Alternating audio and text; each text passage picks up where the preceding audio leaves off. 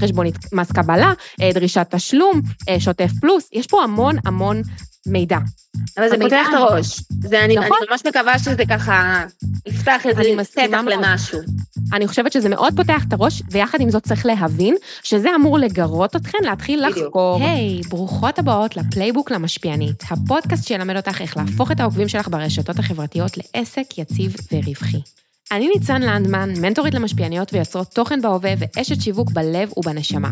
בכל פרק נדבר על כלים פרקטיים שיעזרו לך להתמקצע ולהרוויח יותר כסף, החל מדילמות עסקיות עד תמחור ומשא ומתן, חוזים, פיתוח עסקי וכל מה שצריך לדעת כדי לעבוד בתוך התעשייה. אז יאללה, בואי נצלול. אז ברוכות הבאות לפלייבוק למשפיענית. אני כל כך שמחה שהצטרפתן, ויותר משאני שמחה שאתן מצטרפות בכל פעם, אני מאוד שמחה היום, כי אתן מצטרפות לפרק הראשון של העונה השנייה. עכשיו, אני רגע אעשה לכם ריפ, ריקאפ קצר, שמה שקרה זה ששחררתי את הפודקאסט הזה לאוויר העולם, ולקח לו קצת זמן לצבור תאוצה, ואני יוצאת עכשיו לעונה שנייה אחרי שכמות ההאזנות וכמות המצטרפות לפודקאסט הזה ולמסע הזה של להיות משפיעניות ויוצרות תוכן, האיץ את עצמו ופרץ דרך מטורפת, ואני כל כך שמחה שיש פה הרבה קהל חדש. אז אה, שתדעו שבפודקאסט הזה אנחנו מדברות על כל מה שקשור ליצירת תוכן, ללהתפרנס מיצירת תוכן, ללהתפרנס מפרסום דרך עבודה עם מותגים. והיום אני מארחת אה, את אסנת מטטוב, שתכף תציג את עצמה. ואני רגע אחבר ללמה אני מארחת אותה, ואז היא תסביר מי היא בכלל, אבל אני מארחת את אסנת מטטוב, שהיא יועצת פיננסית, כי אני חטאתי במה שאני כל הזמן אומרת לכן, לעולם לא לעשות. שזה לעשות איזשהו outsourcing, במקרה שלכם למנהל או סוכן, ואז לשכוח מזה, ולשבת רגל על רגל ולצפות שפשוט תגיע העבודה. מה אני עשיתי? אני חשבתי שרואה חשבון, פשוט הוא, הוא אחראי על הפיננסים בעסק שלי, הוא, הוא אמור לטפל בזה. ומסתבר שממש לא. אז בזה אני אפתח, והי אסנת, מה שלומך? אני אה, בסדר גמור, איזה כיף וכבוד גדול להיות פה. אה, אז למי שלא מכיר אותי, אני אציג את עצמי, שמי אסנת מטטוב, אני רואת חשבון ויועצת פיננסית לעסקים. בעצם אה, ניתן, דיברת על רואי חשבון, ואחר כך דיברת על הפיקוח, אז כאילו באמת אה, אני באה ככה עם שני הכובעים. אה, ו- ובאמת אני, אני נורא מסכימה עם כל מה שאמרת. ואני אני אגיד לך מעבר לזה, אני חושבת שכל הבלבול הזה שדיברת עליו, אני פתחתי עסק, שמתי את כל המספרים שלי והכל אצל הרואה חשבון, שולחת לו אחת לכמה חודשים, סליחה, אחת לחודשיים את כל הנתונים שלי, והוא מחשב לי את המיסים, ובזה זה נגמר. אמ, אבל האמת ניצן, שבאמת, אצל רואה חשבון קלאסי, באמת בזה זה נגמר, וזה מה שאנשים לא מבינים. אנשים חושבים שרואה חשבון אמור לבדוק האם הם רווחיים, האם הם מתמחרים את עצמם כמו שצריך, האם יש מינוסים בחשבון. לא. רואה החשבון שלכם, ואני אומרת לך את זה בתור רואת חשבון, אמנם אני לא מתעסקת בזה בפועל, אבל בתור רואת חשבון. לא מעניין אותו. לא מעניין אותו האם יש לך מינוסים בחשבון, לא מעניין אותו האם המוצרים והשירותים שלך רווחיים, לא מעניין אותו מהניהול הפיננסי שלך בעסק, לא מעניין אותי אם את משלמת לעצמך משכורת. לא מעניין אותו שום דבר. מעניין אותו דבר אחד, שאת דיווחת על כל ההכנסות וההוצאות שלך והגשת אותם בזמן, כך שהוא יכול לדווח בשמך למס הכנסה, ביטוח לאומי ומע"מ. מעבר לזה, זהו. האם זה אומר שבזאת מתמצא תפקידך הפיננסי בעסק? רחוק מאוד. ממש, ממש, ממש לא. אשכרה. בוא נגיד שכאן התפקיד הפיננסי שלך רק מתחיל. ואני באמת ככה, בגילוי נאות אציין שבאמת אותך הכרתי, אה, כי בעצם סיימת, אה, סיימת אצלי תוכנית, אה, תוכנית פיננסית לבעלות עסקים, שבעצם מלמדת את כל האיך ואת כל, כל הדברים שקשורים וכרוכים בניהול פיננסי אה, אה, עסקי. ואני אפנה אלייך שאלה בחזרה, האם זה קרוב בכלל למה שרואה חשבון עושה בעסק שלך? אז אני אגיד ש... שאני מובכת אפילו מלהתחיל להגיד לך כמה זה רחוק ממה שחשבתי שזה, ובגלל זה אני מביאה אותך, כי מה שאני עושה פה בעצם, וכל העשייה שלי, אני כמו סוג של יועצת עסקית, פשוט לקהל מאוד מאוד ספציפי ונישתי, ואני מבינה שכמו שהן לוקות בחסר בביטחון של ללכת למותג עכשיו ולדרוש ממנו תשלום, כי זאת fucking עבודה, ומגיע שישלמו לך עליה, ואת אה, בסוף יש לך המון ערכים שאת נותנת, אני חושבת שהן לוקות בחסר בהמון המון תחומים, ובכלל, בעלי עסקים באופן כללי לוקים בחסר בתחום הפיננסי, אז משפיעניות ויוצרות תוכן שהן בקושי אה, מבינות מה קורה סביבן הרבה פעמים, בתחומי ניהול עסק בכלל, עוד יותר. ואני יכולה להגיד שאני לא דמיינתי ולא שיערתי לעצמי כמה עומק ורבדים יש לדבר הזה, וכמה, גם את אמרת את זה כשהייתי בוובינר מכירה שלך, אה, להגיד מחיר בביטחון. יש נכון. משהו מטורף בעיניי בלהכיר מספרים, להכיר יחסי המרה, להכיר מה אני עושה פה? זאת אומרת, אוקיי, בסדר, יש לי מוצרים והכול נחמד ויש לי איזה קהילה ואני, מותגים פונים אליי ואומרים לי, בואי, אני אשלם לך כמה אלפי שקלים, שזה באמת סכומים מאוד אסטרונומיים בתוך התעשייה הזאת, בשביל שתפרסמי, אבל איפה זה מתכמת לכדי משהו שאני מנהלת אותו? ורואה החשבון ממש ממש לא עושה את זה. הוא לא קרוב נכון. לשם.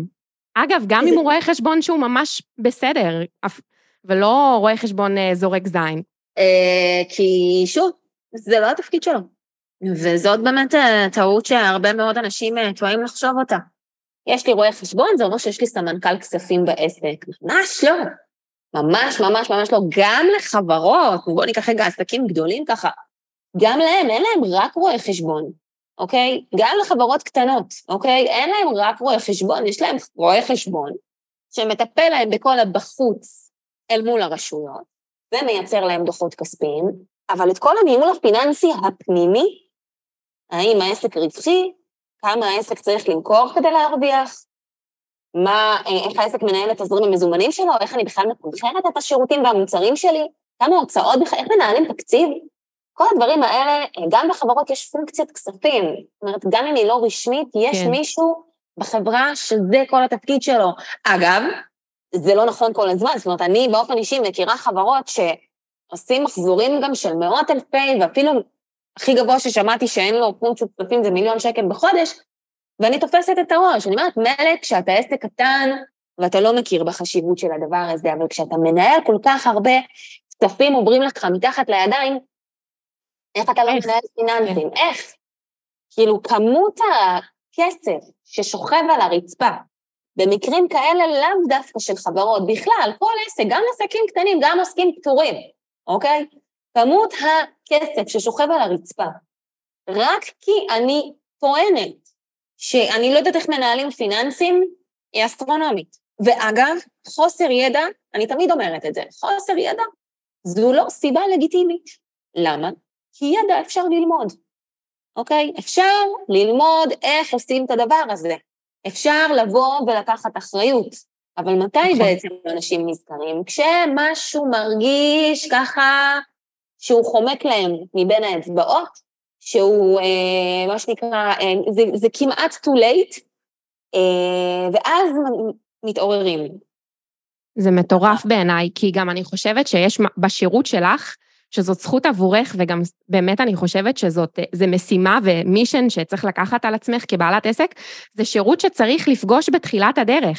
זאת נכון. אומרת, אני מסכימה שזה יותר זניח ברמת הכספים שנשארים, ברמת המיסים שאפשר לחסוך, אבל אני חושבת שהתשתית הזאת זה תשתית של mind, זאת אומרת, שיווק למשל, שכולנו יודעות שאנחנו עושות שמיניות באוויר ואסטרטגיות, ואיך לגרום למותגים לשים לב אלינו, ואיך עכשיו אני מתחילה לייצר עבודה ועושה פיצ'ים למותגים, פונה אליהם יזום. את זה אנחנו מבינות שאנחנו צריכות לעשות, כי אחרת לא תיכנס עבודה.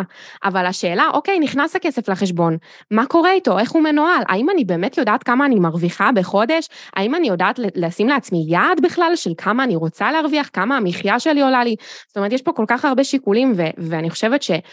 מה שאנשים טועים לחשוב זה שאני אכנס לאיזשהו פלואו uh, ויהיה לי כסף, ואז אני אעשה השקעות. עכשיו, זה נכון לגבי דברים מסוימים, אני חושבת שלגבי מה שאת מציעה פה, ואחרי שגם עברתי את זה, אני יודעת להעיד, זה משהו תשתיתי ראשוני, שלדעתי אפילו לפני שאתן מגיעות אליי לייעוץ עסקי, ולפני שאתן, גם אני הלכתי לייעוץ עסקי ואז הגעתי לאסנת, כי אני חושבת שרק אז הבנתי כמה אני לא יודעת על פיננסים, אבל בעיניי זה קודם לכל. אם אתן רוצות להתיימר להיות בעלות עסקים בכל רמה אפשרית, בין אם זה עוסק פטור מורשה, או שתהפכו להיות חברה בעם, זה עדיין ממש תשתיתי, לדעתי. נכון.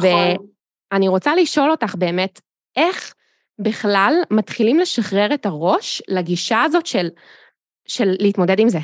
כי זה נורא נורא מפחיד. Uh, בעיקר משפיעניות ויוצרות תוכן, כי הן קצת מפחדות אפילו לקרוא לעצמן עסק, כי זה כאילו נפל עליהן הרבה פעמים, העניין הזה של קהילה.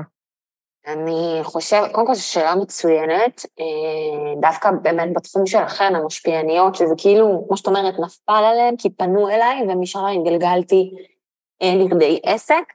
אה, אבל בסופו של דבר אני חושבת שמהשנייה שאת מוציאה קבלה סלש חשבונית, גם אם זאת החשבונית הראשונה אי פעם שהוצאת בחיים שלך, מהשנייה הראשונה שעשית את זה, זהו, את עסק, אוקיי? וברגע שתביני שמזה את מתפרנסת ומזה את חיה, אז זה כבר ממש לא תחביב. את יכולה לעשות דברים אחרים במקביל, אני לא אומרת שלא. אבל כל עוד תשכילי להבין שברגע שאין תשתית פיננסית או משהו קרוב לזה, או בכלל איזושהי הבנה, משהו הכי בסיסי ברמת ההכנסות פחות הוצאות שלי, משהו כאילו באמת באמת בסיסי, ברגע שלא נבין את זה בזמן, וכמה שיותר מוקדם. זה כמו שאמרת, למרות שבתור התחלה זה נראה כזה מספרים זניחים, ויאללה, אני אסתדר, אבל זה בדיוק ההפך, כי ככל שאנחנו נקדים לסגל לעצמנו יכולות והבנה פיננסית מתחילת הדרך, גם אם את יודעת מה, אפילו עוד לא נכנס שקל לחשבון בנק שלי, אז הגדילה שלי תהיה גדילה נכונה יותר, וגדילה חכמה יותר, כי זה הרבה יותר קשה לבוא ולתקן עסק גדול. למה?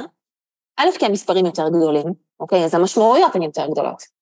ב', כבר גודלתי וחונכתי בשיטה מסוימת, אז זה נורא נורא קשה. לכי עכשיו תבואי כן. למישהו ותנסי לשנות אותו, אוקיי? את ההרגלים שלו. לכי תגידי עכשיו למישהי שבי על אקסלים כל יום וגם כל חודש וכל שבוע. נכון. שהיא לא עשתה את זה בחיים שלה. אבל דווקא אני חושבת ש... כאילו, כשיש זמן פנוי בתור עסק מתחיל, כי יש זמן פנוי בתור עסק מתחיל, נכון. דווקא אז לסגל לעצמך הרגל של, אוקיי, אני בודקת, אני מבינה נתונים, אני עם יד על הדופק עם חשבון הבנק, אני רואה כמה כסף נכנס, כמה כסף יצא, מה הרווח שנשאר לי בסוף החודש, אם חודש אחד היה דרדלה, אני מבינה ומסיקה רגע מה, מה קורה איתי בחודש הבא. זאת אומרת, ברגע שגם אם אני לא אהיה סופר מדויקת ועל השקל ובול כמו שצריך בתור התחלה, אתם תראו שככל שתתרגלו, הרי פיננסים זה שריר. ככל שתתרגלו יותר ויותר ויותר, וכמה שיותר מוקדם יותר עדיף, ככה, כשתגדלו, אתם תגדלו חכם יותר. עכשיו, זה לא, כאילו, אם לא הצלחתי לשכנע אתכם עד עכשיו, אז המשפט הבא שלי בא ואומר, שגדילה חכמה יותר שווה יותר כסף אצלכם בכיס. אם למישהי זה לא היה ברור, אוקיי? זאת אומרת, ככל שאני מנהלת את הפיננסים שלי טוב יותר, ככל שאני גדלה בצורה חכמה יותר, ככל שאני עושה את הצעדים שלי בביטחון יותר, ככה הכיס שלי גדל יותר, נקודה. כי גם נהיה לי הרבה יותר ביטחון להגיד את מה אני דורשת, את המחירים שלי. גם ברמת ה mindset, ברמת אני מבינה כמה אני שווה ואני מבינה מה המחירים שלי, אז אני יודעת גם מה לדרוש, ואיפה לא להתקפל במחיר, אבל גם ברמת השיווק והמכירות שלי אני נהיית יותר חכמה. יש משולש, תדמיינו רגע משולש, משולש עסקי, אוקיי? מורכב משלוש צלעות, הצלע הראשונה, שיווק, צלע השנייה מכירות, בלי זה אין עסק, כולנו יודעות, אוקיי?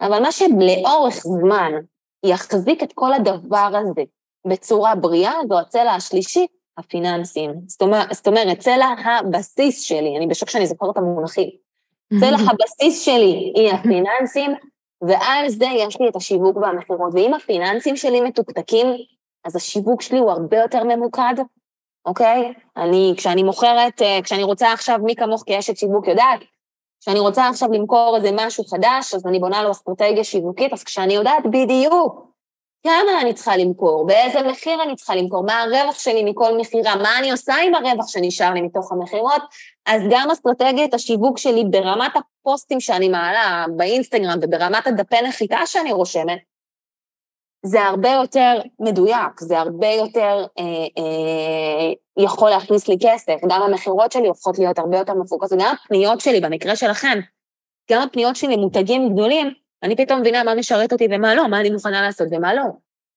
נכון, שזה גם עניין שרציתי לשאול אותך. שזה גם משהו שרציתי לשאול אותך, והרבה פעמים עולה אצלי בליוויים האישיים של אה, מגיעות המון הצעות לשת"פים. המון אנשים הגיעו לפתח דלתך עם כל מיני הצעות, ובגלל שהרבה יותר קשה לטמפלט, מלשון template, מלשון תבנית, את מה שהן עושות, זה הרבה יותר קשה. אין מה לעשות, זה, זה, זה לא סוד, וגם אני תמיד אומרת, ואנחנו מתכווננות לשם, זאת אומרת, לעבוד עם טווח תמחורים שהוא די קבוע לכל מוצר, אבל אין מה לעשות, זאת תעשייה שהיא מאוד custom made לכל לקוח. אה, ויחד עם זאת, אני חושבת שכמות ההצעות שמגיעות מאוד מבלבלת, ופתאום את לא מבינה בכלל כמה זמן את משקיעה רק בלייצר את ההצעה, לדבר עם הלקוח, לנסות לשכנע אותו, אה, בסוף גם לכתוב הצעת מחיר, לעשות את העסקה, ובסוף בכלל יכול להיות שהרווח שלך על כל הזמן הזה, הרי זמן זה משאב מוגבל והכי יקר, יותר מכסף בעיניי, אה, נכון. כי, כי אי אפשר לשחזר, להרוויח ממנו עוד, זה מה יש. אז, אז לדעתי, אנחנו הרבה פעמים נופלות שם, כי אנחנו אומרות, אה, זה שת"פ, ובא לי אותו, וגם זה אחלה כסף, אבל אחלה כסף ביחס למה? כמה זמן את עובדת על הדבר הזה? נכון, ואני חושבת שהכל צריך, מה זה חושבת? הכל צריך לבוא לידי ביטוי. זאת אומרת שאם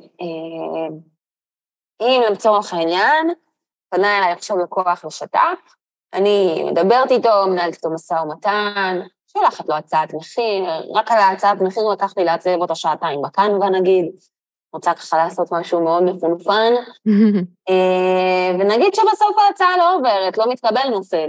אוקיי, מי ישלם לי על כל הזמן האבוד הזה? אתם יודעות מי? הלקוח הבא. שמה זה אומר? תפרטי רגע קצת. מה זה אומר? כי ברגע שאני, אה, עכשיו זה לא משהו שקורה בבת אחת, כן? זה משהו שמגיע עם הניסיון, ברגע שאני רואה שכמה זמן לוקח לי לעשות את כל התהליך טרום המכירה הזה, אני יכולה לבוא בתמחור שלי ולהגיד, אוקיי, השת"פ שאני עושה הוא לא רק לבוא להצטלם, להעלות stories עם המוצרים או מה שזה לא יהיה, אוקיי? הוא גם כל המסביב. זאת אומרת, כל המסביב הזה, ההקדמה של זה, אחרי המסביב, שזה הגבייה שלי, אוקיי, זהו, העליתי את כל הזה, אוקיי, עכשיו אני צריכה לשלוח לך חשבונית, לדאוג שהכסף נכנס, אולי לדבר עוד קצת, אולי פה, אולי שם, אולי כל השיגועים שיש מסביב עם כל מיני בקשות מיוחדות של המותג. כל הדבר הזה זה זמן. הזמן הזה צריך, אם בניסיון אתם תבינו, וגם עם מדידת זמנים, דרך אגב, אנחנו בעצם נוכל לבוא ולהבין כמה זמן באמת שיתוף פעולה כזה לוקח. כך שהחלק שישתנה זה רק החלק של הביצוע עצמו. זאת אומרת, יש הבדל, אני מניחה, לא יודעת, תקני אותי אם אני טועה, ואני כן. מסיקה מסקנות מכל מיני משפניות שאני עוקבת אחריהן. יש הבדל בין אם אני עכשיו מפרסמת, אה, לא יודעת מה, מוצר אחד, או סדרה שלמה של מוצרים, אוקיי?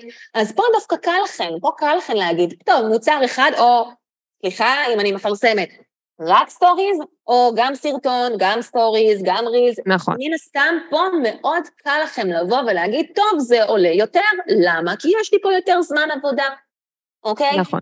זאת, אבל, כל המסביב זה לא משהו שאמור להשתנות, ולכן, מה שאנחנו נעשה, אנחנו בעצם נבין כמה זמן לוקח לי כל המסביב, ולכל הצעת מחיר, גם אם, אגב, הצעת המחיר הבאה שלכם, לקחה בדיוק חצי מהזמן, זה לא משנה. אני בכל הצעת מחיר אכניס את הלקוח, אני תמיד אדמיין את הלקוח הכי חופר, הכי מציק, הכי כזה שמתווכח איתי על כל דבר, הכי כאילו חמש שעות לקח לי את כל המסביב, אני אוסיף את זה להצעת מחיר. גם אם הלקוח הנוכחי הכי מקסים בעולם ולקח לי חצי שעה לסגור אותו. לא בדיוק. משנה. אני חושבת שמה שאת בעצם מתכוונת לומר, ואני רוצה רגע לפשט את זה, כן. זה שהרבה פעמים אנחנו חושבות, אוקיי, הזמן שבפועל עבדתי על להעלות שלושה stories ולקבל על זה עשרת אלפים שקל נגיד, שזה מספרים שקיימים, לכאורה לא לקח לי בכלל הרבה זמן, גם יש לי ראש פצצה, אני יודעת לייצר קריאיטיב בשנייה, בא לי בקלות, אני גם מכירתית מאוד. ומכרתי. אבל איפה כל הזמן שאת מייצרת תוכן כדי שיהיה לך בכלל את הקהל הזה? איפה כן. כל הזמן שאת עושה כל מיני אסטרטגיות שאני מלמדת ובונה ערכת מדיה ופונה למותגים ומשיגה את העסקה ומדברת עם הלקוח? זאת אומרת, הזמן הזה ברמה, ברמה הרעיונית חייב להיכנס לתוך התמחור שלך, כי את עובדת בזה, גם אם זה לא במשרה מלאה. זמן העבודה שלך, כדי שבסוף התוצר יהיה, ישלמו לי עשרת אלפים שקל על שלושה stories, הוא מטורף, ואת לא רואה את זה, כי זה קל לא לראות את זה, וכי אולי את גם נהנית, נכון. אז עוד יותר קשה לך לראות את זה, כי את אומרת, בקטנה. נכון, אני חושבת שיש אה, בדיחה מאוד, אה, מה זה בדיחה? כאילו מוסר השכל כזה, סיפור חמוד עם מוסר השכל נחמד, אה, שבא ואומר כאילו, בסוף את, אתם לא משלמים לי על הזמן שאני משקיעה, אתם משלמים לי על כל הזמן שהשקעתי כדי לעשות לכם את זה בחמש דקות, עשר דקות, בשעה, אוקיי? זה לא משנה אה, שזה רק שלושה stories, זה לא משנה שזה רק, אה, לא יודעת מה, איזה משהו כזה שהוא אולי נתפס כקטן, ממש לא. זאת אומרת, בתוך העשרת אלפים שקלים האלה, אתן בעצם באות ומגלמות את כל החרא, סליחה שאני אומרת את זה ככה, שעברתן כדי להיות מסוגלות להוציא תוכן ברמה כל כך גבוהה, שאגב, יכניס הרבה מאוד כסף למותג שאיתו אתן עובדות. הרי בסוף מה זה התשלום שהם משלמים לכם? זה הוצאות השיווק שלהם. הם לא היו עושים את זה אם לא הייתם יודעות להניף תוצאות. הם פנו אליכם מלכתחילה, או הסכימו לעבוד איתכם מלכתחילה אחרי שהם בחנו אתכם, וראו את התוצאות שלכם, וראו מה אתן מסוגלות לעשות, ואיזה תוכן אתן מסוגלות לייצר, וזה עולה כסף. נכון. תזכרו גם שזה יותר זול להם מקידום ממומן. הסיבה שזה זה עובד כל כך טוב כי אתן אמינות, כי אתן מחוברות רגשית לקהל, אתן מוכרות פה עם בסיס, אתן לא מודעה של איזה באנר שמי בכלל מכיר אותך. אתן, נכון יש לכם פלטפורמה כל כך כל כך ממירה וכל כך טובה, וגם ברגע שתכירו את הנתונים שלכם, גם בהקשר הביצועי, כמו שאתן צריכות לסחוט בפיננסים שלכם, לסחוט בנתונים של הקמפיינים שלכם. כמה מכרתי, מה היה היחס ההמרה שלי, איפה אני יכולה להשתפר, מה עבד פחות טוב בקמפיין הזה, תתחילו להיות נשות מקצוע ולדבר מקצועי, זה יעבור גם ללקוחות, ואני, באמת זה מחבר אותי למה הלחם והמים, הדבר הראשוני זאת אומרת, אוקיי, הבנו, פחד ממספרים זה לא תירוץ.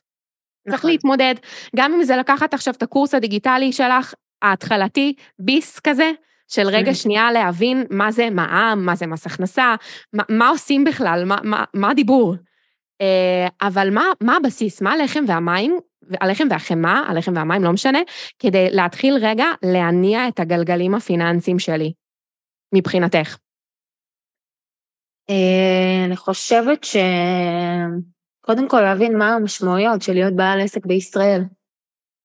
מה המשמעויות אה, של, אה, של המיסים שאנחנו משלמות, גם אם עכשיו אנחנו עסק קטן ואנחנו עוד לא משלמות, אנחנו, אם אנחנו נהיה טובות במה שאנחנו עושות, ומהר מאוד נתחיל לשלם מיסים, שם הספירה שונה לחלוטין. שם, אם את לא רוצה להיות במצב שאת חודש אסל, חודש באסל, אוקיי? כי פעם בחודשיים מתבצעת גבייה של רשויות המיסים, של מס הכנסה ומע"מ, אז מאוד מאוד מאוד קריטי לבוא ולדעת ולהבין במונחים האלה. הדבר השני זה שכל, ש, ש, שאני חייבת לשלוט בו, זה להבין את המטרה שלי.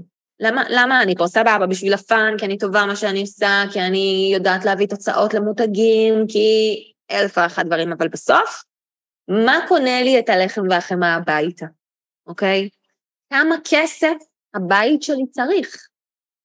הרי אם זה כל מה שאני עושה, גם אם זה אגב לא רק כל מה שאני עושה, אבל אם זה כל מה שאני עושה, קל וחומר, אני צריכה להבין מה העסק צריך להכניס, או יותר נכון להרוויח, על מנת שאני בכלל אמשיך להיות איתו. כי אם עכשיו זה כל מה שאני עושה, והבית שלי יש לו הוצאות נגיד של עשרת אלפים שקלים בחודש, סתם אני ממציאה, אבל בעסק אני לא מצליחה להתרומם מעל לחמשת אלפים, אני בבעיה. כן. אוקיי? אני צריכה להבין בסוף, בתור התחלה, כמה כסף, זאת אומרת, עוד בשנייה לפני שפתחתי עסק בכלל, אני, כל אחת יודעת פה להגיד מה ההוצאות שלה בבית. גם הקבועות, גם המשתנות, גם הבילויים, היציאות, המשכנתה, הילדים, השכירות, אז you name it. כאילו לכל אחד יש את הטבלת אשראי שלו, ואם אין אז אני ממליצה רגע לבוא ולעשות סדר בדברים האלה ולהבין באמת מה ההוצאות שלכם וכמה הכנסות אתן צריכות על מנת לכסות את ההוצאות האלה לכל הפחות. אתן לא כן. שכירות, אתן אנשים שכירים, יש תלוש משכורת, ובעסק אנחנו מייצרות את המשכורת. ואז כן. בהתאם כן. לזה, בהתאם לאותו מספר, אני אדע כמה כסף העסק שלי צריך לייצר. אני חושבת שיש גם משהו קסום שקורה כשאת מחליטה כמה כסף את צריכה להרוויח, ויש לך איזה נכון. מספר, שאת פשוט מזמנת את זה. זה לא שזה איזה קסם ואנחנו היפים פה, אבל יש משהו שמתכוונן לזה, כי את פתאום מבינה נכון. כמה שת"פים אני צריכה לסגור, פחות או יותר. נכון, אפילו לא פחות או יותר, את יכולה להגיד במדויק כמה שת"פים את צריכה לסגור, באיזה מחיר, ממה הם יהיו מורכבים, כמה זמן זה ייקח לך, מה בכלל הקפסיטי שלך להכיל כמה שת"פים במקביל, אוקיי? האם את עכשיו צריכה לבוא ולקחת, נגיד היה עכשיו, לא יודעת מה, אה, חודש כזה נורא נורא נורא מוצלח, ובאמת עשית מעל המשכורת שאת צריכה כן, לקחת את נובמבר כזה, נובמבר סייל. אוקיי? נגיד נובמבר סייל, סבבה? נובמבר זה החודש שכל המשפיעניות בשיא. האם אני עכשיו צריכה לקחת את כל הכסף הזה הביתה? האם אני עכשיו צריכה, לא יודעת מה, לסגור לי איזה חופשה של 50 אלף שקל רק כי היה לי חודש של נובמבר סייל? את רואה כנראה, אף אחד, את יודעת, הצופות לא רואות אותנו, אבל את רואה אותי שאני אומרת, האם את כן. צריכה לקחת הכל הביתה, ואני אומרת, לא, לא. זה. וזה, אני חייבת להגיד לך שזה קורה. כי כסף שנכנס אלינו ממסך אותנו, אנחנו לא מסתכלות, כשכירות אנחנו יודעות שכל חודש זה ייכנס, וכעצמאיות יש כסף, אז פתאום בא להשתמש בו, פתאום מעלים רמת חיים, שזה גם משהו שרציתי לדבר איתך עליו, שהוא כל כך שכיח. הכי, הכי, הכי נפוצה אבל למה זה קורה? למה זה קורה לנו? למה? כי, כי אנשים חיים מפיק לפיק. אנשים חיים בעידן האינסטגרם, אנשים חיים בעידן הלהוציא את העיניים, סליחה שאני ככה אומרת את זה באופן ישיר, אוקיי? Okay. כן. Okay. אנשים, בעסקים הטעות הכי גדולה היא לחיות מפיק לפיק. אני בעסק רוצה שתדמייני שאת שכירה, שיש לך את אותה משכורת קבועה, לא משנה מה עבדת, כמה שת"פים עשית באותו חודש, כמה כסף נכנס, זה לא מעניין. אם עשיתי ארבעה שת"פים, או אם אני בנובמבר סל עם עשרים שת"פים, אם נכנס לי עשרים אלף שקל לחודש, או נכנס לי מאה אלף שקל לחודש, אז זה לא מעניין. אני צריכה עשרת אלפים הביתה, זה הסכום שאני אקח הביתה. ומה אני אעשה עם השאר? קודם כל, לצבור כרית ביטחון בעסק, כמו שאת אומרת, לא בכל חודש יש את אותו מספר של שת"פים, זאת אומרת, אני, אני מתחילה לייצר לעצמי איזושהי כרית ביטחון עסקית לחודשים שהם קצת יותר חלשים. ונגיד וכבר ייצרתי את אותה כרית ביטחון, וכבר מתחיל באמת להיערם כסף בחשבון, אחרי שייצרתי את אותה כרית ביטחון, הכסף שלכם צריך לעבוד, אוקיי? זה הזמן לנתב אותו לאפיקים של השקעות, אוקיי? כן. כדי לשמור על הערך שלו. תתחילו לחשוב כמו בעלות עסקים, זאת אומרת, אם אני אקח עכשיו את כל הכסף שעשיתי בנובמברסל ואשרוף אותו על חופשה במלדיבים, כשזה מעבר ליכולות שלי ברגיל, בוא נגיד ככה, אוקיי? אז מה עשיתי בזה? עכשיו, אני לא אומרת להתקלב חס וחלילה, אני לא אומרת לא עכשיו לפרגן לעצמכם ולא לחגוג את ההצלחה שלכם. אפשר, אוקיי? אבל לא ברמה שבאמת תבוא ותיקח את כל העבודה הקשה שלכם ופשוט תסרוק את הכסף, כי כמו שאמרת קודם, עסק זה לא דבר יציב. ודווקא עצם העובדה שאני משאירה בו כריות ביטחון, אני הופכת אותו ליציב. גם כן. כשאני, לא יודעת מה, פתאום אה, יכולה להיות פתאום באיזה, לא יודעת מה, לא עלינו משבר בריאותי, פתאום אין עבודה, פתאום לא יודעת מה, אוקיי? כשיש לכם כרית ביטחון בעסק, אתן פחות פועלות מתוך לחץ. אני יכולה להבטיח לכם שלמי שיש כרית ביטחון בעסק, בצורה של מזומנים בעובר ושב, לצורך mm-hmm. העניין, העסקי מן הסתם, כן. ככה היא פחות תתקפל במחירים שלה בתקופות חלשות, היא לא תגיד, וואי, אין עבודה, לא נכנסה עבודה מלא זמן, אני אעשה לו הנחה. לא. כן. אני מסכימה איתך. זה חד משמעית אה, אה, פוגש אותנו ברמת ה mindset. וגם אני חושבת שזו, שזו פרדיגמה, כאילו להגיד, עסק זה דבר לא יציב, נכון, אין ספק, אבל אפשר לעשות פעולות כדי להפוך אותו ליותר יציב, וגם בואי, נכון. העבודה שלך כשכירה היום, הרי יש לך איזשהו חלום, אוקיי? את יזמת בנשמה שלך. אם את רוצה לצאת לעצמאות, אם את רואה את עצמך בעלת עסק, קודם כל זה בא עם המון מחירים, כמו למשל, דרישה ללמוד פיננסים, אבל את יזמת, אז קחי אחריות על מקומות שכן יש לך שליטה בהם. יש מקומות שאין לך שליטה, אין ספק.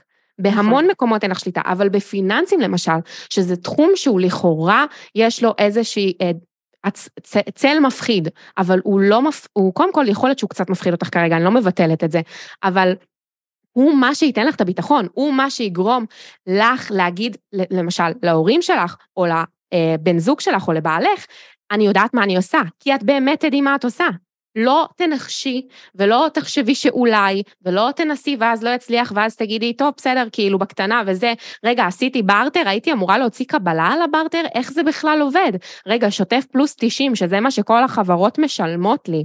היום, שככה הן מציעות להתנהל. האם זה מתאים לי? כי יש לי גם הוצאות, נכון? אני רוצה להוציא את נכון. הכסף שלי למשל על אה, כל מיני דברים כדי לפתח את עצמי, אולי בא לי אתר, אולי בא לי לפתוח ניוזלטר. יש לי השקעות עסקיות. האם זה נכון לי לקחת עסקה בתנאים של שוטף פלוס 90? יש פה כל כך הרבה שיקולים, ו- וברגע שיהיה לך את התשובות אליהן, אז יהיה לך ביטחון, גם אל מול עצמך וגם באופן כללי חברתית, שעסק זה דבר, נכון, הוא לא יציב, אבל הוא יכול להיות בסדר.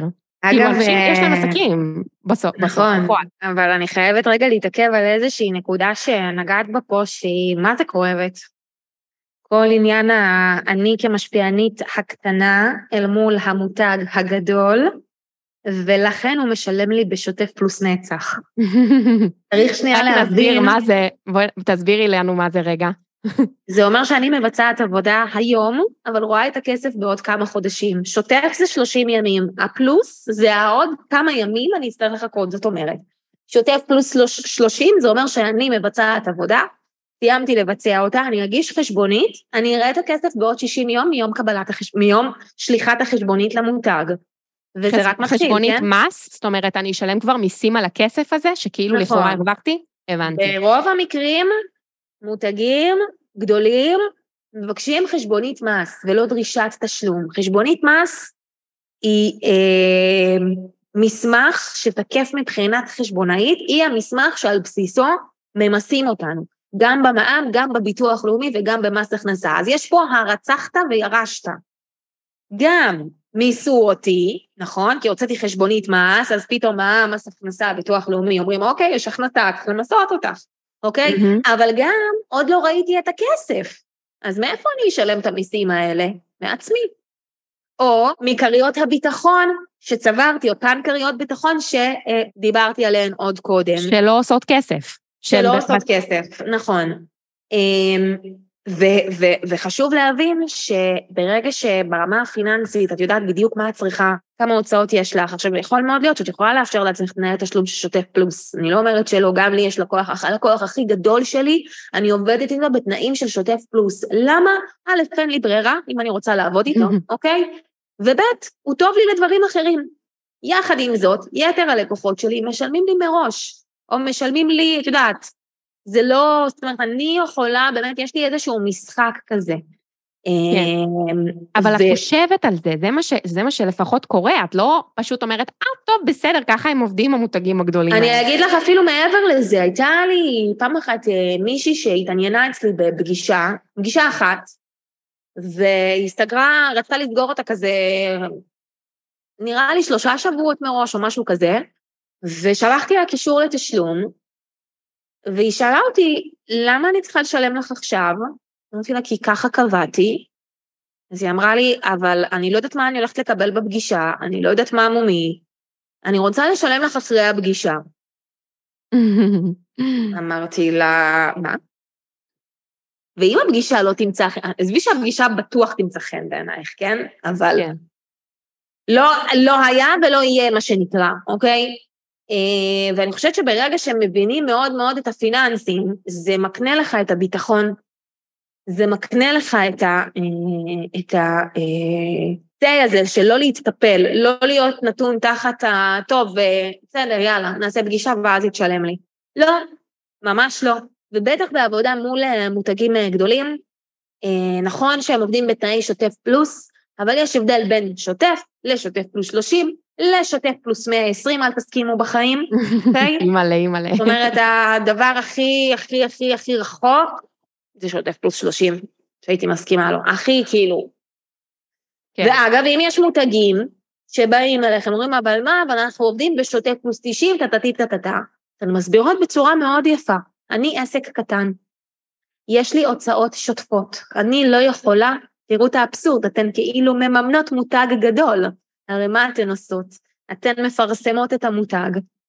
אין, כבר במעמד הפרסום עם הלינק שאתן מפרסמות מכניסות כסף, אוקיי? המותגים האלה מכניסים כסף, אבל לכם הם משלמים בעוד כמה וכמה חודשים. אז להסביר יפה שאתם עסק קטן, שיש לכם מחויבויות שוטפות ואתן לא יכולות לאפשר לעצמכם אה, בעצם לממן, במילים יפות יותר, לממן את אותו המותג. כן. ושאתם תשמחו לשקול תנאי אה, תשלום יותר מטיבים. כן, זה. ממש כמו לתת איזושהי סוג של הלוואה. ממש, זה, זה לא סוג של, זה ממש זה. כן. בתנאי שוטף פלוס אתן נותנות הלוואה למותג.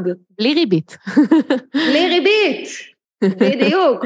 הכסף הזה יכל לשבת אצלך בפיקדון יומי אפילו, נכון. ולעשות יותר כסף. ובזמן ו... שאנחנו נמצאות בעידן שבו כל שני וחמישי הריבית עולה והאינפלציה עולה, אז היום השירות הזה, הוא צריך חייב לי נגיד סכום מסוים של כסף, בעוד ארבעה חודשים כשהוא יכניס לי את הכסף הזה לבנק, הכסף הזה שווה פחות. מה שאת יכולה לקנות עם הכסף הזה בעוד ארבעה חודשים, הוא לא מה שאת יכולה לקנות איתו היום. ולכן, לא רק שנתת הלוואה, גם לא כל הסכום חזר אלייך. אז טכנית, או אפילו לא טכנית, ריאלית, כן. כלכלית, הרווחת פחות מאותו הסכום שנכנס לך. כן, אז כי אני לא הלכת לקנות. חלב עם הכסף הזה בזמן נכון, שהוא נכון, עלה הנה, בערך... נכון, הנה, מחירי החלב התייקרו בשבעה אחוזים, אם בזמן הזה יש לכם לקוח בשוטף פלוס, שחייב לכם כסף, עוד כמה חודשים תצטרכו יותר כסף כדי לקנות חלב. אז הכסף כן. שלו לא שווה אותו הדבר היום. כן, אז זה, כמו שאת אומרת, זה ממש לתת הלוואה, זה ממש לתת הלוואה, רק בלי ריבית, הכסף לא כן. שומר על הערך שלו, או ההפך, הוא יורד. מטורף שזה פשוט שיטת תשלום כל כך אה, שגורה בארץ. נכון. אבל כן, צריך לעמוד על שלכן. עוד פעם, אתן בעלות עסקים, קחו אחריות. פשוט נכון. תבינו מה ההשלכות של הדברים שאתן עושות. וזה באמת מחבר אותי לעוד נושא שרציתי לגעת פה בקטנה, ועוד פעם, אני אומרת רגע איזשהו disclaimer, כל מה שאנחנו מדברות פה זה המון, אוקיי? זה המון להכיל, זה גם המון תתי נושאים שאסנת מלמדת לעומק. אי אפשר מפודקאסט של 45 דקות להבין לעומק איך לנהל פיננסית את העסק שלך, לדבר בשפה שאנחנו מדברות בה, כמו למשל חשבונית מס, חשבונית מס קבלה, אה, דרישת תשלום, אה, שוטף פלוס, יש פה המון המון מידע. אבל זה פותח את הראש. ואני נכון? ממש מקווה שזה ככה יפתח איזה פתח למשהו.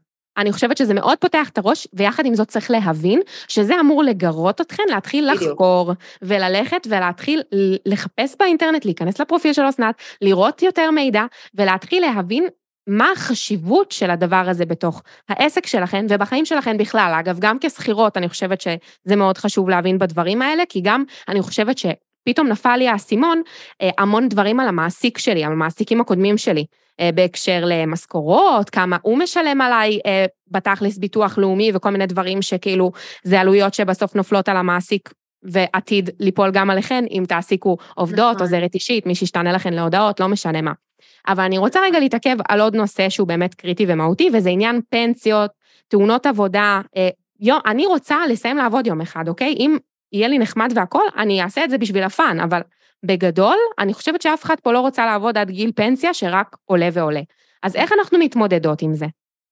קודם כל, יש בישראל אה, החובה להפריש לקרן פנסיה למי שעצמאי, ומי שלא מפריש, החל מ-2017 קיימת החובה הזו, מי שלא מפריש אה, בעצם נקנס אה, ב-500 שקלים לשנה. בעצם כדי לדאוג לעצמך לגיל פנסיה, אז א', אפשר להפריש מה זה אפשר? צריך להפריש כסף לפנסיה. ב', רצוי מאוד מאוד מאוד חלק מהכספים שלכם במהלך השנה להפריש לקרן השתלמות, אוקיי? קרן השתלמות זה בעצם מוצר השקעה מצוין לעצמאים, הוא גם מקנה הטבות במס, הוא גם ככה מצטבר, גם כשבעצם מפקידים עד תקרה מסוימת שמתעדכנת כל שנה, אה, אנחנו מקבלים הרבה מאוד הטבות במס, אה, וזה גם כסף שהוא כמו קופת חיסכון כזה, שרק עובדת בשוק ההון ו, אה, וככה עושה רווחים, וזה ממש נחמד לגלות שאחרי שש שנים מתדבר שם אחלה סכום של כסף, ואם אני לא צריכה את הכסף הזה אז אני גם לא נוגעת, אוקיי? כן. שימשיך לצבור, שימשיך איזה אה, בעצם לשחק ובעצם להרוויח. ואני חושבת שאם אנחנו בעצם נתנהל פיננסית נכון, ונבין שאנחנו פה, כמו שאמרת בהתחלה, אנחנו לא נמצאות כאן רק כדי לעבוד כל היום ועד גיל מסוים, ואנחנו מראש נתכנן את היציאה שלנו לפנסיה מוקדמת, אז אנחנו גם נבין כמה כסף אנחנו צריכות בשביל זה, אוקיי? אני רוצה היום לדעת שבגיל 45 נגיד, סתם דוגמה, זרקתי מספר, עוד, אה, אני עוד, אה, לא יודעת כמה זה יוצא, 13 שנים מהיום, שאני אה, באה ויודעת שהיא תהיה לי איזושהי הכנסה פסיבית שלא מצריכה ממני שעות עבודה בפועל של איקס שקלים, ואז אני, כמו בכל דבר בפיננסי, מתחילה לגזור אחורה. אוקיי, זאת ההכנסה הפסיבית שאני רוצה? ממה אנחנו מייצרות הכנסות פסיביות? מנכסים, מהשקעות, אז כמה השקעות אני צריכה שיהיו לי? ואז אני לאט לאט אה, מגיעה למטרות והיעדים הפיננסיים שלי השוטפים, וכמה רווחים אני צריכה שהעסק שלי יעשה, כדי שאת אותם רווחים, אחרי ששילמתי לעצמי את המשכורת החודשית שלי, מה שהבית שלי צריך, אני אשקיע אותם.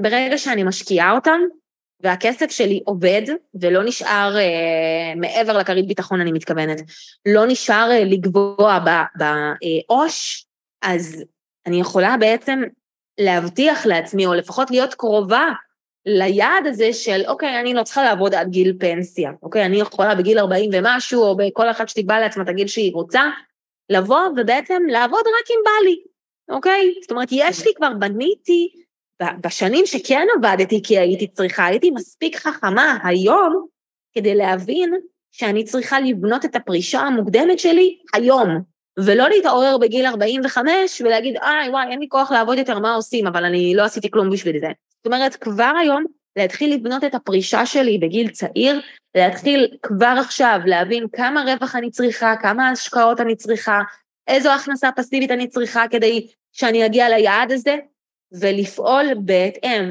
תבינו, זה באמת מטורף. ברגע שיש לכם יעד כספי מול העיניים, וברגע שאני יודעת כל חודש כמה רווח אני צריכה וכמה מתוכו הולך להשקעות, משהו משתחרר, משהו מקבל תכלית.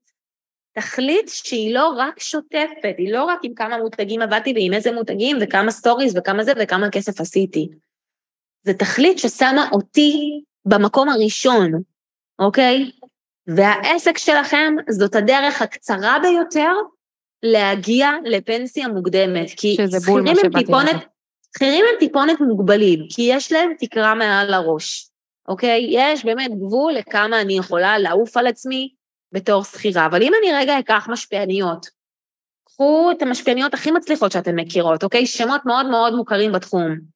אני בטוחה, אני רוצה לקוות לפחות, שאת חלק, חלק מהרווחים שלהן הן משקיעות, אוקיי? מתוך איזושהי הבנה שבסוף אני רוצה משהו שיעבוד בשבילי כדי שאני לא אצטרך להפשיל שרוולים ולעבוד, וזה משהו שאפשר לבנות באמצעות תוכנית עבודה מאוד מאוד מאוד מאוד מדויקת, אוקיי? להבין מה אני רוצה, קודם כל באיזה גיל אני רוצה לפרוש, כמה הכנסות אני רוצה שיהיו לי פסיבית באותו הגיל, ומשם לגזור אחורה ולבנות לי תוכנית עבודה. ואם היום אני אעבוד על התוכנית עבודה הזאת, וזאת תהיה מטרת העל שלי, אז מאוד מאוד יהיה לי קל ממנה לגזור כמה לקוחות אני צריכה, באיזה מחירים, כמה זה, כמה מיסים, באיזה, אה, באיזה קונסטלציה, כמה, וגם יהיה לי מאוד מאוד קל לא להתקפל במחירים. למה? כי אם אני אתקפל במחירים זה להתפשר על החיים העתידיים שלי.